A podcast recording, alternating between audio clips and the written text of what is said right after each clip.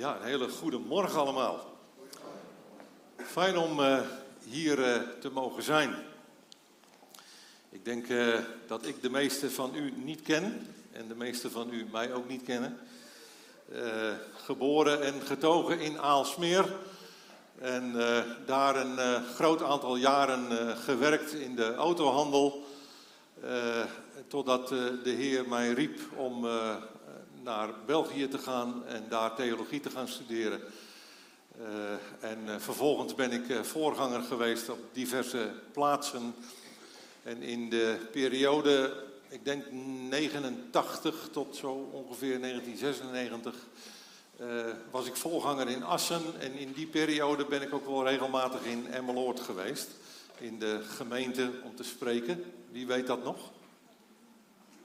Ja, een paar. Ja, ja, ja, ja. ja. Uh, dus de rest is inderdaad allemaal, wat kan er in, in uh, pakweg 30 jaar uh, veel veranderen. Maar ehm, getrouwd, ik we hebben drie dochters. Twee daarvan zijn getrouwd en één is vrijwilliger in, ehm, je, in Israël. is op dit moment voor de NEM even in Nederland voor een conferentie. Ze is uh, eh, 25 en we zijn heel dankbaar uh, dat ze dit, dit spoor heeft gevonden. Ik wil vanmorgen met jullie gaan nadenken over niet een klein Bijbelgedeelte zoals we dat vaak gewend zijn. Ik weet niet hoe het jou vergaat, maar mij vergaat het ook wel vaak zo dat als ik de Bijbel lees, dan wil je meteen het begrijpen wat er allemaal staat. Ook al is het maar één vers of zijn het maar een paar woorden. Um, maar ik heb uh, geleerd, ook bij, op de opleiding, dat je eigenlijk moet beginnen om een heel Bijbelboek te lezen. En vanuit het grote naar het kleine te gaan. Dus als je de hoofdlijn snapt, dan ga je ook steeds in kleine stapjes naar het kleinere toe. En dan snap je ook het verband waarin dat ene vers staat.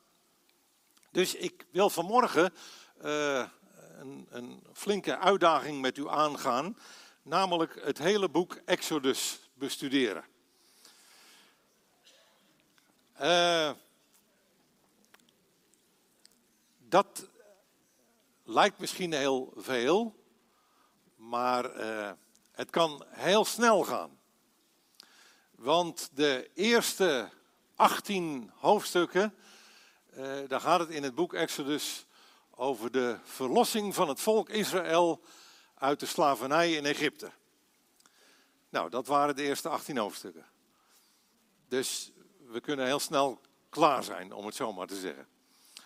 Maar uh, de, vanaf hoofdstuk 19 dan wil ik met u eigenlijk in vogelvlucht gaan kijken naar het boek Exodus, omdat het zo rijk is als je de hoofdlijn weet te pakken.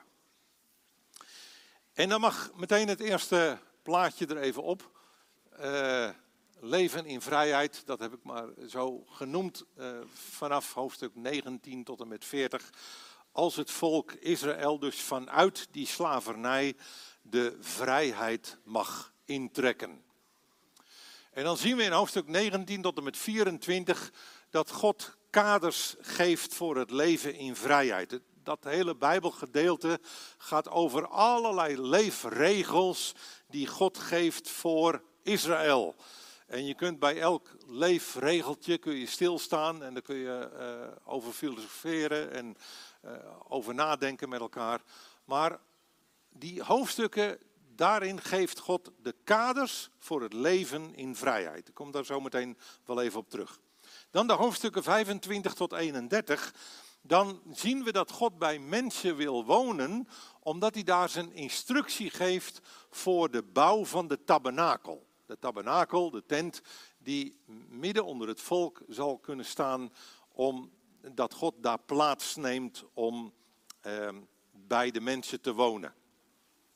Dan zien we in de hoofdstukken 32 tot en met 34 een dieptepunt in de relatie tussen God en het volk.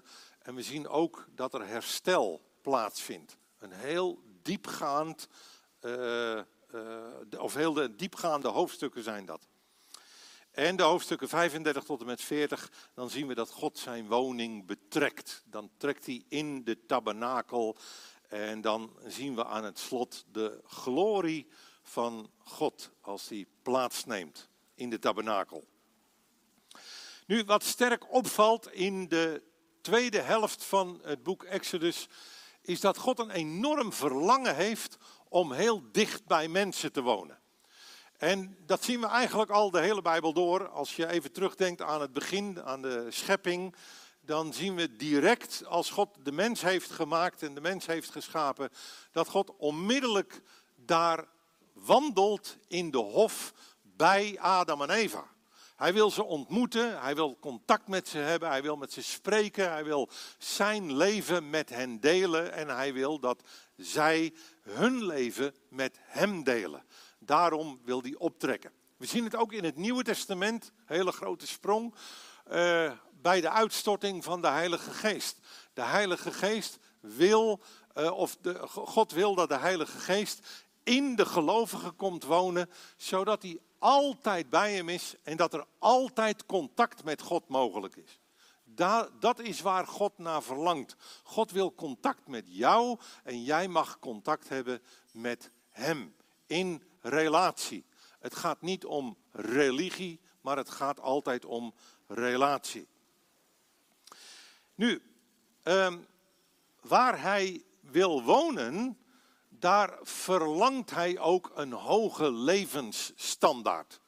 Hij wil in heilig gebied wonen, in zuiver gebied. En daarom geeft God ook kaders mee voor het leven, uh, een soort handleiding om het zo maar te zeggen, zodat God als hij bij jou woont, dat hij zich daar ook thuis voelt.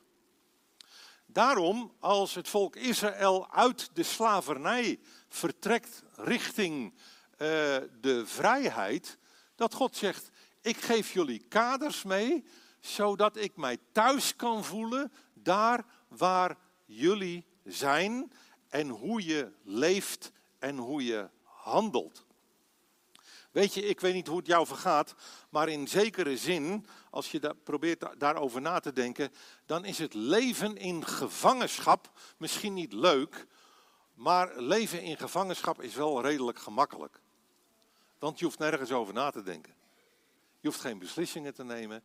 Uh, sterker nog, je mag vaak niet eens nadenken.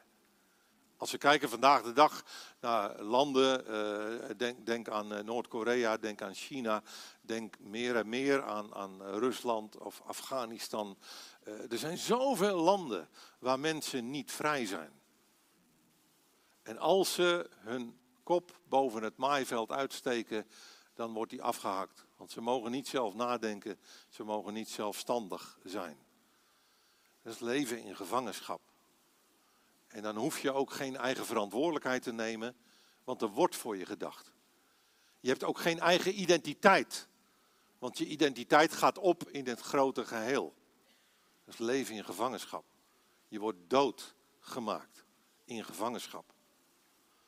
Maar leven in vrijheid, daar waar het volk naartoe geleid wordt, betekent ook niet dat je alles maar moet kunnen zeggen en denken en doen wat je maar wilt. Vrijheid betekent niet dat je er maar op los kunt leven. Kijk, je mag misschien de vrijheid hebben om zonder parachute uit een vliegtuig te stappen, maar het is niet verstandig.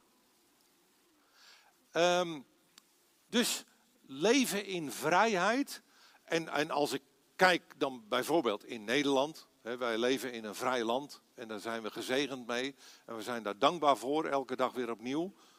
Maar leven in een vrij land kan ook doorslaan. Zoals dat, naar mijn mening, ook in Nederland gebeurt. Want in Nederland moet je alles maar kunnen zeggen. Eh, vrijheid van meningsuiting slaat helemaal door. Of je anderen nu kwetst of niet kwetst. Je mag alles zeggen wat je wilt. En dan zie je dat er chaos soms kan optreden en dat, dat, dat, dat, niet, dat God dat niet bedoelt. Weet je, vanuit, uh, vanuit God gezien betekent leven in vrijheid dat je kaders hebt waarbinnen je mag leven. En dat God zegt, als je binnen die kaders blijft, dan uh, is daar vrijheid en dan zal het goed met je gaan. Kijk, als, als God hekken om ons leven plaatst, dan kun je niet anders. Maar als je leeft in vrijheid, dan heb je een eigen verantwoordelijkheid en dan heb je je eigen identiteit die je van God meekrijgt. En dan mag je op die manier je leven invullen en je verantwoordelijkheid nemen. Dat is wat God wil. En dan wil God dat jij uh, leeft naar zijn, uh, naar de, in, de, in de ruimte die Hij je geeft. Dan voelt God zich ook thuis. Nu, dat is de reden dat God het volk naar de berg Sinaï leidt, waar God met Mozes in gesprek gaat en dan zegt in Exodus hoofdstuk 19, vers 4 tot 6, Jullie hebben gezien hoe ik ben opgetreden tegen Egypte en hoe ik je op adelaarsvleugels heb gedragen en hoe ik je hier bij mij heb gebracht. Als je mijn woorden ter harte neemt en je het verbond met mij houdt, dan uh, zul je een kostbaar bezit voor mij zijn. Kostbaarder dan alle andere volkeren, want de hele aarde behoort mij toe. Een koninkrijk van priesters zul je zijn, een heilig volk. God zegt, als je nou die hoge levensstandaard die ik neerzet, als je nou volgens die dingen, volgens die principes leeft, dan leef je in vrijheid en dan zal mijn zegen ook met je zijn. God wil zich aan zijn volk verbinden. En dat is tot op de dag van vandaag nog steeds zo. God wil niets liever dat, dat jij in vreugde leeft, in geluk, in voorspoed. En God wil je daarin helpen en ondersteunen. En daarom geeft Hij nog steeds de kaders aan en zegt hij van als je binnen die kaders blijft, dan leef je zoals ik het graag zie en dan voel ik mij thuis bij jou. Lees de brieven van de apostel Paulus, die talloze malen de oproep doet om te leven als een discipel van de Heer Jezus Christus. Samenvattend zou je kunnen zeggen, Colossense hoofdstuk 2, vers 6 en 7, volg de weg van Christus Jezus, nu u Hem als Heer hebt aanvaard en blijf in Hem geworteld en gegrondvest en houd vast aan het geloof dat u geleerd is en wees vervuld van dankbaarheid. Nou, zo mag je leven. Met Gods kaders en God voelt zich thuis bij jou.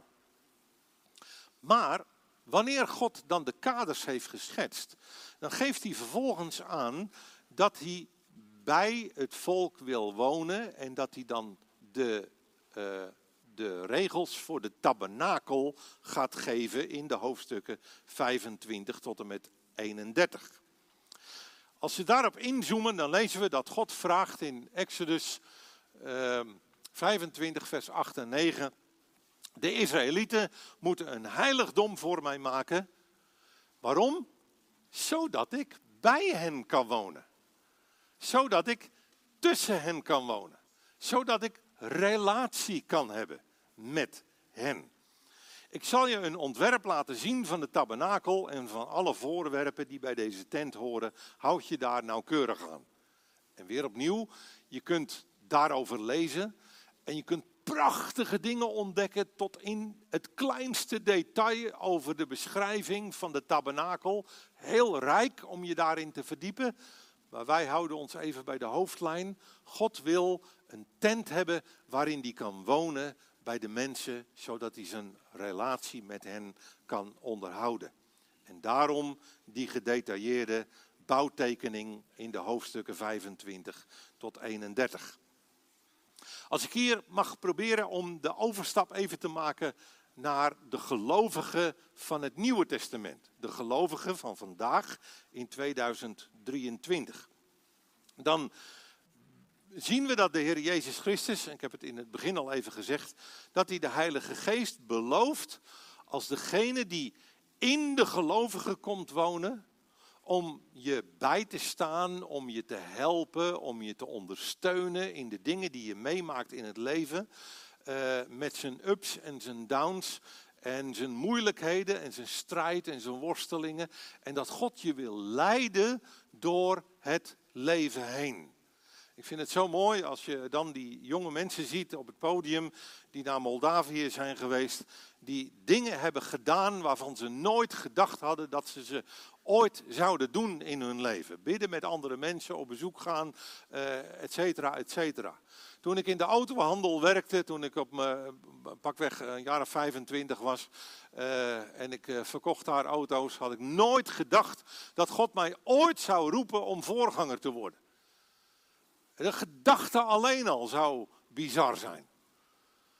En toch, en toch, ik sta hier en ik uh, sta al 35 jaar in de bediening.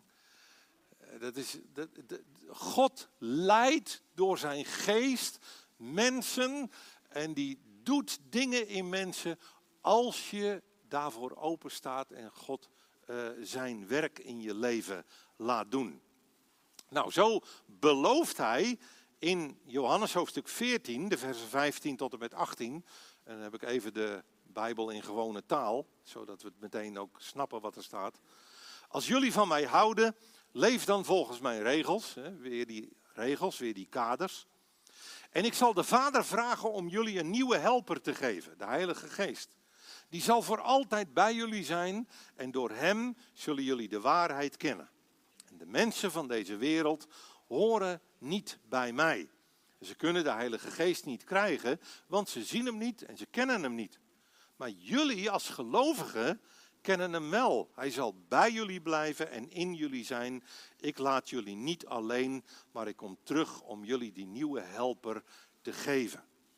En dat is wat er geldt, ook vandaag in 2023.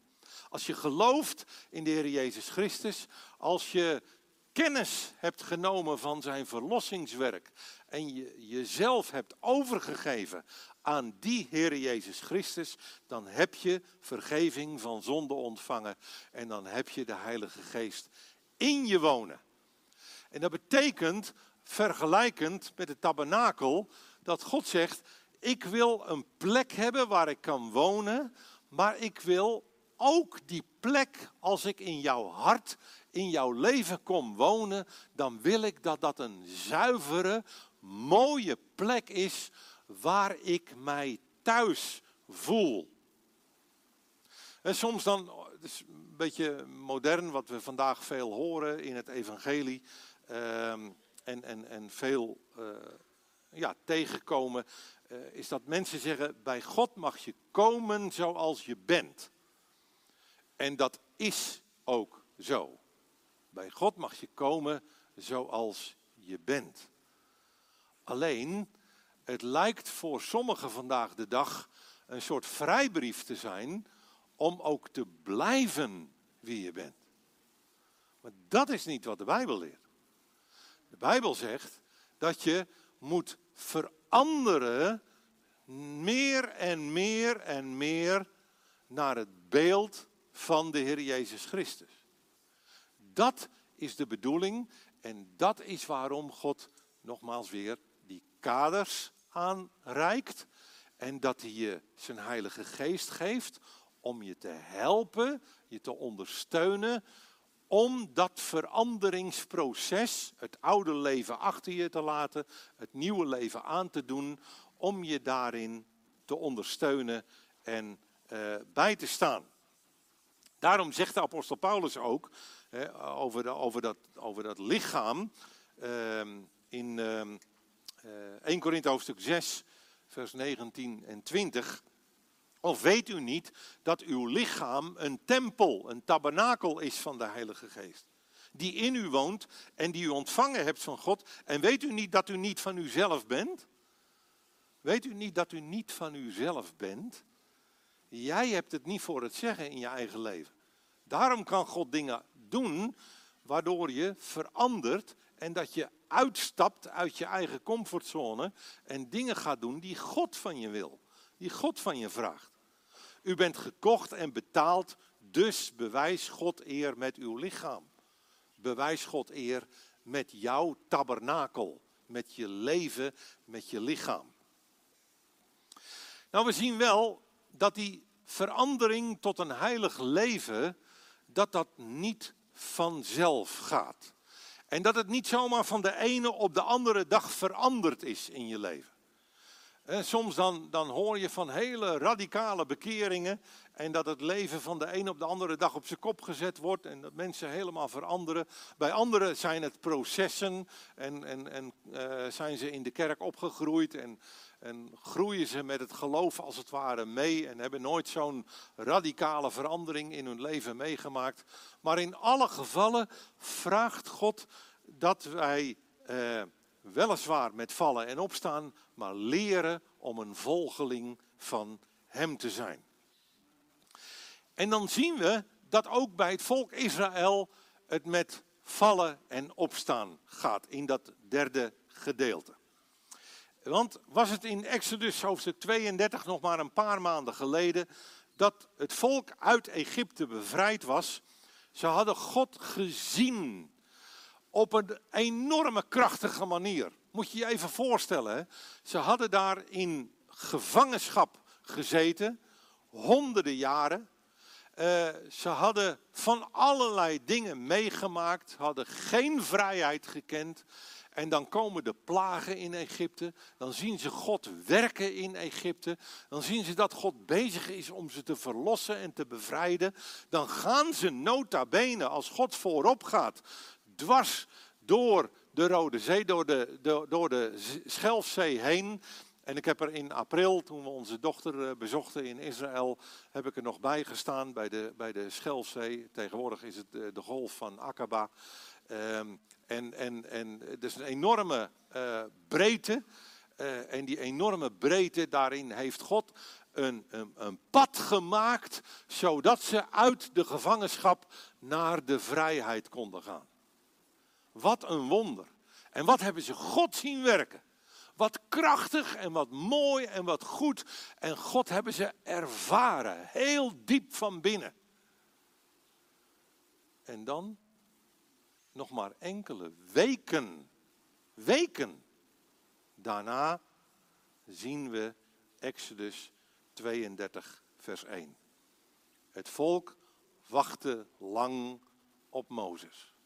Want Mozes die was de berg Sinaï opgegaan om met God te spreken, zodat het volk weer richtlijnen zou kunnen krijgen.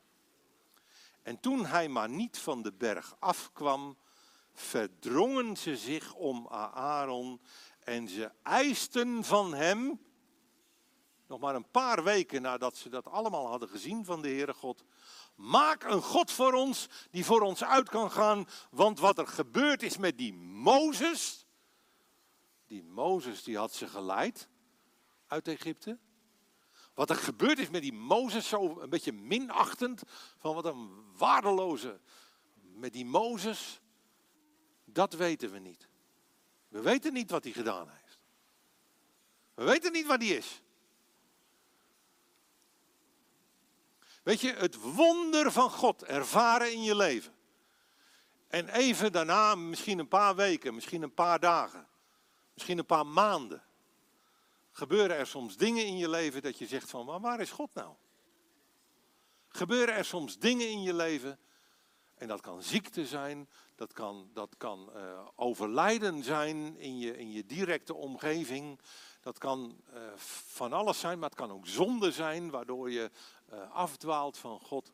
Dan ervaren ze God niet meer en dan zeggen ze, nou, waar is God nou? Ik snap er niks van. Die God die mij toen zo heeft geleid, die is er niet meer. En dan gaan ze andere keuzes maken. Dan gaan ze niet meer op zoek naar God, maar dan zeggen ze: maak een andere God voor ons. Aaron, maak maar een andere God Want wat er gebeurd is met die God en die Mozes. En dit leidt tot het diepste dieptepunt in de relatie tussen Israël en God zelf. Zo diep dat God zelfs bereid is om zijn belofte die hij ooit aan Abraham had gedaan te vernietigen en met alleen met Mozes verder te gaan. Kijk eens wat er staat in Exodus 32, vers 7 tot en met 10. De Heere die zei tegen Mozes, ga terug naar beneden, van die berg Sinaï af. Want jouw volk, merk je, wat, wat valt hierop? God zegt, God zegt niet mijn volk, God zegt jouw volk. Het lijkt alsof God al afstand heeft gedaan van het volk. Dat God, dat God zegt van, ja, maar dat volk, wat zo snel van mij afwijkt, jouw volk, dat je uit Egypte hebt geleid, misdraagt zich. En nu al, een paar weken later, zijn ze afgeweken van de weg die ik hun gewezen heb. En ze hebben een stierenbeeld gemaakt. Ze hebben daarvoor neergeknield. Ze hebben er offers voor aangebracht. En ze hebben gezegd, moet je goed luisteren, Israël, dit beeld is je God die je uit Egypte heeft geleid. Wat een blamage.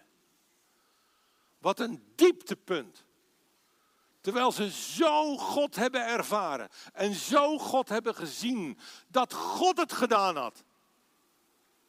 En nu staan ze voor een beeld en ze knielen daarvoor neer en ze zeggen, dit beeld heeft het gedaan. Dat is wat ze zeggen. En de Heer die zei verder tegen Mozes, ik weet hoe onhandelbaar dit volk is. Houd mij niet tegen, mijn brandende toren zal hen verteren. Maar uit jou, Mozes, dus niet meer uit Abraham, zal ik een groot volk laten voorkomen. God is bereid om te zeggen, dat hele plan met Abraham, ik frommel het in elkaar, ik gooi het in de prullenbak, ik haal ermee op. Dat is wat God hier zegt. Het gaat ongelooflijk diep. De gevoelens en de emoties die bij God zijn als mensen afdwalen en een andere God gaan dienen. Dat is wat God doet. Wat hij, wat hij hier zegt. Het is afschuwelijk wat hier gebeurt. De relatie is zo verscheurd. Zo kapot. En misschien zijn er momenten in jouw leven dat je zegt van de relatie met God is zo kapot gegaan. Hij heeft woning gemaakt in mijn lichaam. Hij, is, hij heeft zijn tabernakel in mijn leven gebouwd. Hij is met zijn geest in mijn leven gekomen. Maar nu nu na al die dingen die er gebeurd zijn in mijn leven, er is dit gebeurd, er is dat gebeurd, die is dood gegaan, die is ziek geworden. Ik snap er helemaal niks meer van. Ik ben ontslagen, uh, ik ben failliet gegaan, en noem het allemaal maar op. Er zijn zoveel dingen die in het leven kunnen gebeuren dat je zegt van, en nu weet ik het niet meer. En nu weet ik het niet meer. En dan de keuze. Welke keuze maak je dan? Ga je dan op zoek naar een andere God? Verslavingen, macht, geld, seks. Er zijn zoveel mensen die verslaafd zijn geraakt aan dingen omdat ze andere keuzes hebben gemaakt. Wat voor beeld ben jij in jouw leven gaan, gaan aanbidden? Dat kan zomaar. Het kan zomaar dat je daarvan afgeweken bent. En dat je neer bent gaan knielen voor een ander beeld. Dat je zegt van nou, God kan mijn problemen niet oplossen. Ik snap niet dat ik daarin terecht ben gekomen. Ik begrijp er helemaal niets van. En daarom zoek ik het nu in mijn andere dingen. Dat is wat er hier gebeurt. Maar juist dan moet je het boek Exodus uitlezen, doorlezen. Want vanaf hoofdstuk 32 en verder dan zien we dat er een proces plaatsvindt van diepgaande gesprekken. En ik, nogmaals, ik kan ze niet allemaal eh, helemaal kan ik het eh, behandelen. Maar in Exodus hoofdstuk 32, dan zien we deze dingen gebeuren. Dat Mozes op de bres staat voor het volk. Mozes die roept het uit naar God en die zegt eigenlijk, ja maar Heere God, u kunt, dat, u kunt uw plan met Abraham toch niet zomaar in de prullenbak gooien. Mozes die gaat naar God toe en die zegt, Heere God, ja maar, alstublieft, luister. En dan stelt God zijn oordeel bij in, de versen, in vers 14. En dan is Mozes gaat niet alleen maar naar God toe, maar Mozes gaat ook naar het volk toe in de versen 15 tot en met 20. En Mozes is verschrikkelijk boos op het volk. Ja, wat jullie hier hebben gedaan, dat kan niet. Dat is onmogelijk. Dat is onbestaanbaar. Wat jullie hier flikken, dit kun je niet doen. Het volk wordt aangesproken. Aangesproken op zonde. Aangesproken op het feit dat ze andere goden zijn gaan dienen. Ze worden aangesproken. En Mozes die zoekt radicale toewijding bij het volk. In de versen 25 tot 28. En dan zoekt Mozes, dan gaat hij weer naar God toe en dan zegt hij: O Heere God, is het niet mogelijk dat u het volk vergeeft? Dat u, dat u weer opnieuw begint? Is het niet mogelijk dat u het anders weer gaat doen met het volk? En dan volgt hoofdstuk 33. En dan zien we dat God zijn oordeel laat varen. Dan zegt hij: Oké, ik zal het niet meer in de prullenbak gooien. Ik ga weer verder met het volk. Maar, zegt God, ik ga niet mee. Ik ga niet mee die vrijheid in. Ik heb dit volk gezien en ik heb gezien hoe vaak ze afgeweken zijn. Ik ga niet mee. Gaan jullie maar. En dan zegt. Uh, en dan zien we dat het volk spijt heeft in de versen 4 tot en met 6. En dan komt het volk tot bezinning en tot verootmoediging. En dan zien we uiteindelijk in de versen 12 tot en met 17 dat God vergeeft. En het besluit neemt om toch mee te gaan. Om toch door te gaan. Om toch in die tabernakel te gaan wonen en te zeggen: Oké, ik ga met jullie mee. En dan zoekt Mozes de bevestiging van Gods genade. En dan wil hij zo graag God zien met eigen ogen. En hij wil zo graag de bevestiging hebben. Heere God, als we verder trekken, dan gaat u toch mee, hè? Dat wil ik zeker weten. Want ik zet geen stap zonder u. Ik durf niet meer zonder u te gaan. En dan zien we in hoofdstuk 34 de uitvoering van Gods genade door twee nieuwe stenen tafelen. Want die oude die had Mozes kapot gegooid toen hij van de Sinaï afkwam uh, en, de, en het gouden kalf zag. Herstel van de relatie en dan zien we een stralend aangezicht van Mozes als bevestiging. En zo mag hij het volk verder gaan leiden die vrijheid in. En nogmaals, misschien herken je hierin iets van jezelf. Ben je ooit zelf enthousiast begonnen en voelde je je bevrijd en merkte je de aanwezigheid van God in je leven. Maar in de loop van de tijd zijn er vlekjes gekomen op je ziel, vlekjes gekomen in de relatie met God, vlekjes gekomen en misschien wel hele grote duistere vlekken, doordat je uh, gezondigd hebt en nogmaals gezondigd hebt. En dat je ver weg van God bent afgedwaald. En dat je je afvraagt, ja maar zou God wel ooit nog weer met mij verder willen gaan? Als ik naar mijn leven kijk, dan kan ik mij voorstellen dat God zegt, joh, ik heb mijn plan met jou al lang in de prullenbak gegooid. Jij bent zo vaak afgedwaald. Je hebt zo vaak weer in diezelfde fout getrapt. Zo vaak dit, zo vaak dat. Maar dan nog is er genade voor jou. Alleen die genade is niet goedkoop. Want er moest nogal wat gebeuren in de hoofdstukken 33 en 32, 33 en 34. Er gingen stevige gesprekken aan, aan, aan vooraf. Stevige gesprekken. Mensen werden ter verantwoording geroepen. Je wordt ter verantwoording geroepen. Wat heb je gedaan? En dan komt het erop aan dat je zegt van, heren, daar ben ik de fout in gegaan. Daar heb ik u losgelaten. Daar heb ik een verkeerde keuze gemaakt. Dat je berouw toont. En dat je zegt, heren, ik ben gevallen. Ik ben gevallen in zonde. Ik ben gevallen in uh, dat ik, dat ik, ja, doordat ik u niet meer heb ervaren, doordat ik u niet meer ervoer, ben ik, ben ik andere goden gaan dienen. Heb ik het anders gedaan? Heb ik andere verkeerde keuzes gemaakt? Heere God, dat heb ik gedaan. En ik wil mij verootmoedigen. Berouw tonen.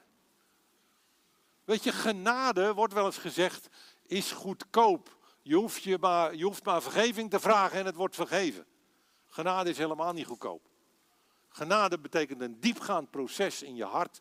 Dat je zegt van, Heere, ik ben fout. En ik vraag u vergeving. Om dat, om dat en om dat. Niet in zijn algemeenheid. Zo van, nou heer, wilt u het maar vergeven? Stop het maar onder het kleed, het is weg. Nee, benoemen. Wat heb je verkeerd gedaan? Dat is wat God vraagt. En als je door het diepgaand proces heen gegaan bent van de hoofdstukken 32, 33 en 34, dan zegt de Heere God, oké mijn zoon, mijn dochter, kom bij mij. Ik zal je mijn aangezicht laten zien, zodat ik met jou weer verder mee kan gaan. En als God mee kan gaan, in jouw leven, dan begint jouw aangezicht weer te stralen. Vrijheid. Dan komt er weer echte vrijheid, zoals God dat bedoeld heeft en gegeven heeft aan het volk Israël. Dat is wat God wil.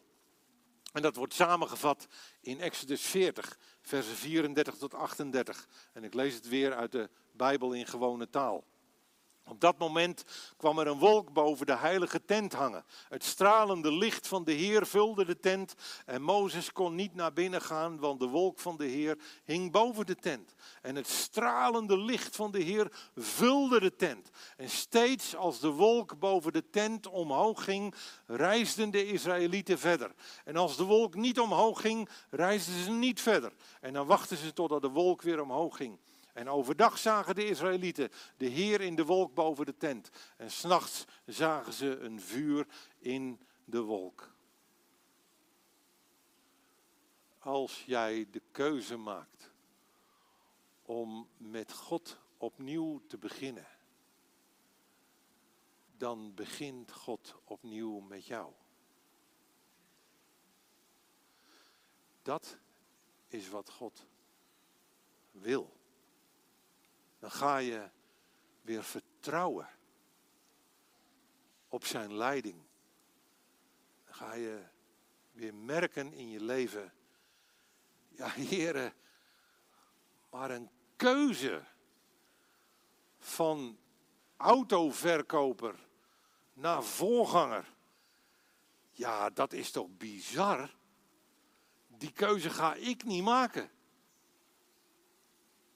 Als God je gaat leiden, dan zegt God, kom hier jongen, ik heb een ander plan voor je. Ik bedenk wat anders. Kom hier jongen, ga jij maar eens mee naar Moldavië. Mag je voor andere mensen gaan bidden. Kom maar hier jongen. Ik zal dit met je gaan doen en dat met je gaan doen. Kom maar hier, mijn dochter. Ik zal je meenemen op mijn reis. En ik ga je dingen laten zien. En ik ga je voor dingen plaatsen die niet per se gemakkelijk zijn. Mijn leven is niet gemakkelijk verlopen. Er zijn momenten geweest in mijn bediening dat ik het uitgeschreeuwd heb naar de heren. En ik zeg, heren, waarom hebt u mij geroepen? Ik kan het niet meer. Dat God zegt, niks ervan jongen. Ik wil woning in jou maken. En het is niet meer jouw leven, maar het is Christus in jou die het doet. En dat is waar God naar verlangt. Relatie, elke keer weer opnieuw. We gaan zo meteen een lied zingen. En uh, uh, broeder Vreugdehil heeft erop geworsteld, heb ik begrepen. Uh, maar we gaan het toch zingen uh, straks. En dat lied dat zegt, hoor de roep. Hoor de roep van de koning. Heb je hem gehoord vandaag? God heeft geroepen. Zijn stem heeft geklonken. Hoor de roep van de koning. Kijk omhoog naar de zoon. Kijk niet naar een gouden kalf. Kijk niet naar de mensen om je heen. Kijk niet naar omstandigheden. Kijk niet naar wat je hebt meegemaakt. Kijk niet naar dat je hem niet meer hebt ervaren de laatste weken. Kijk omhoog naar de zoon. Laat je loflied als reukwerk zijn dat opstijgt voor zijn troon. Want Gods rijke genade wordt in Christus betoond. Aan een ieder die in Hem gelooft. Dat is wat God verlangt.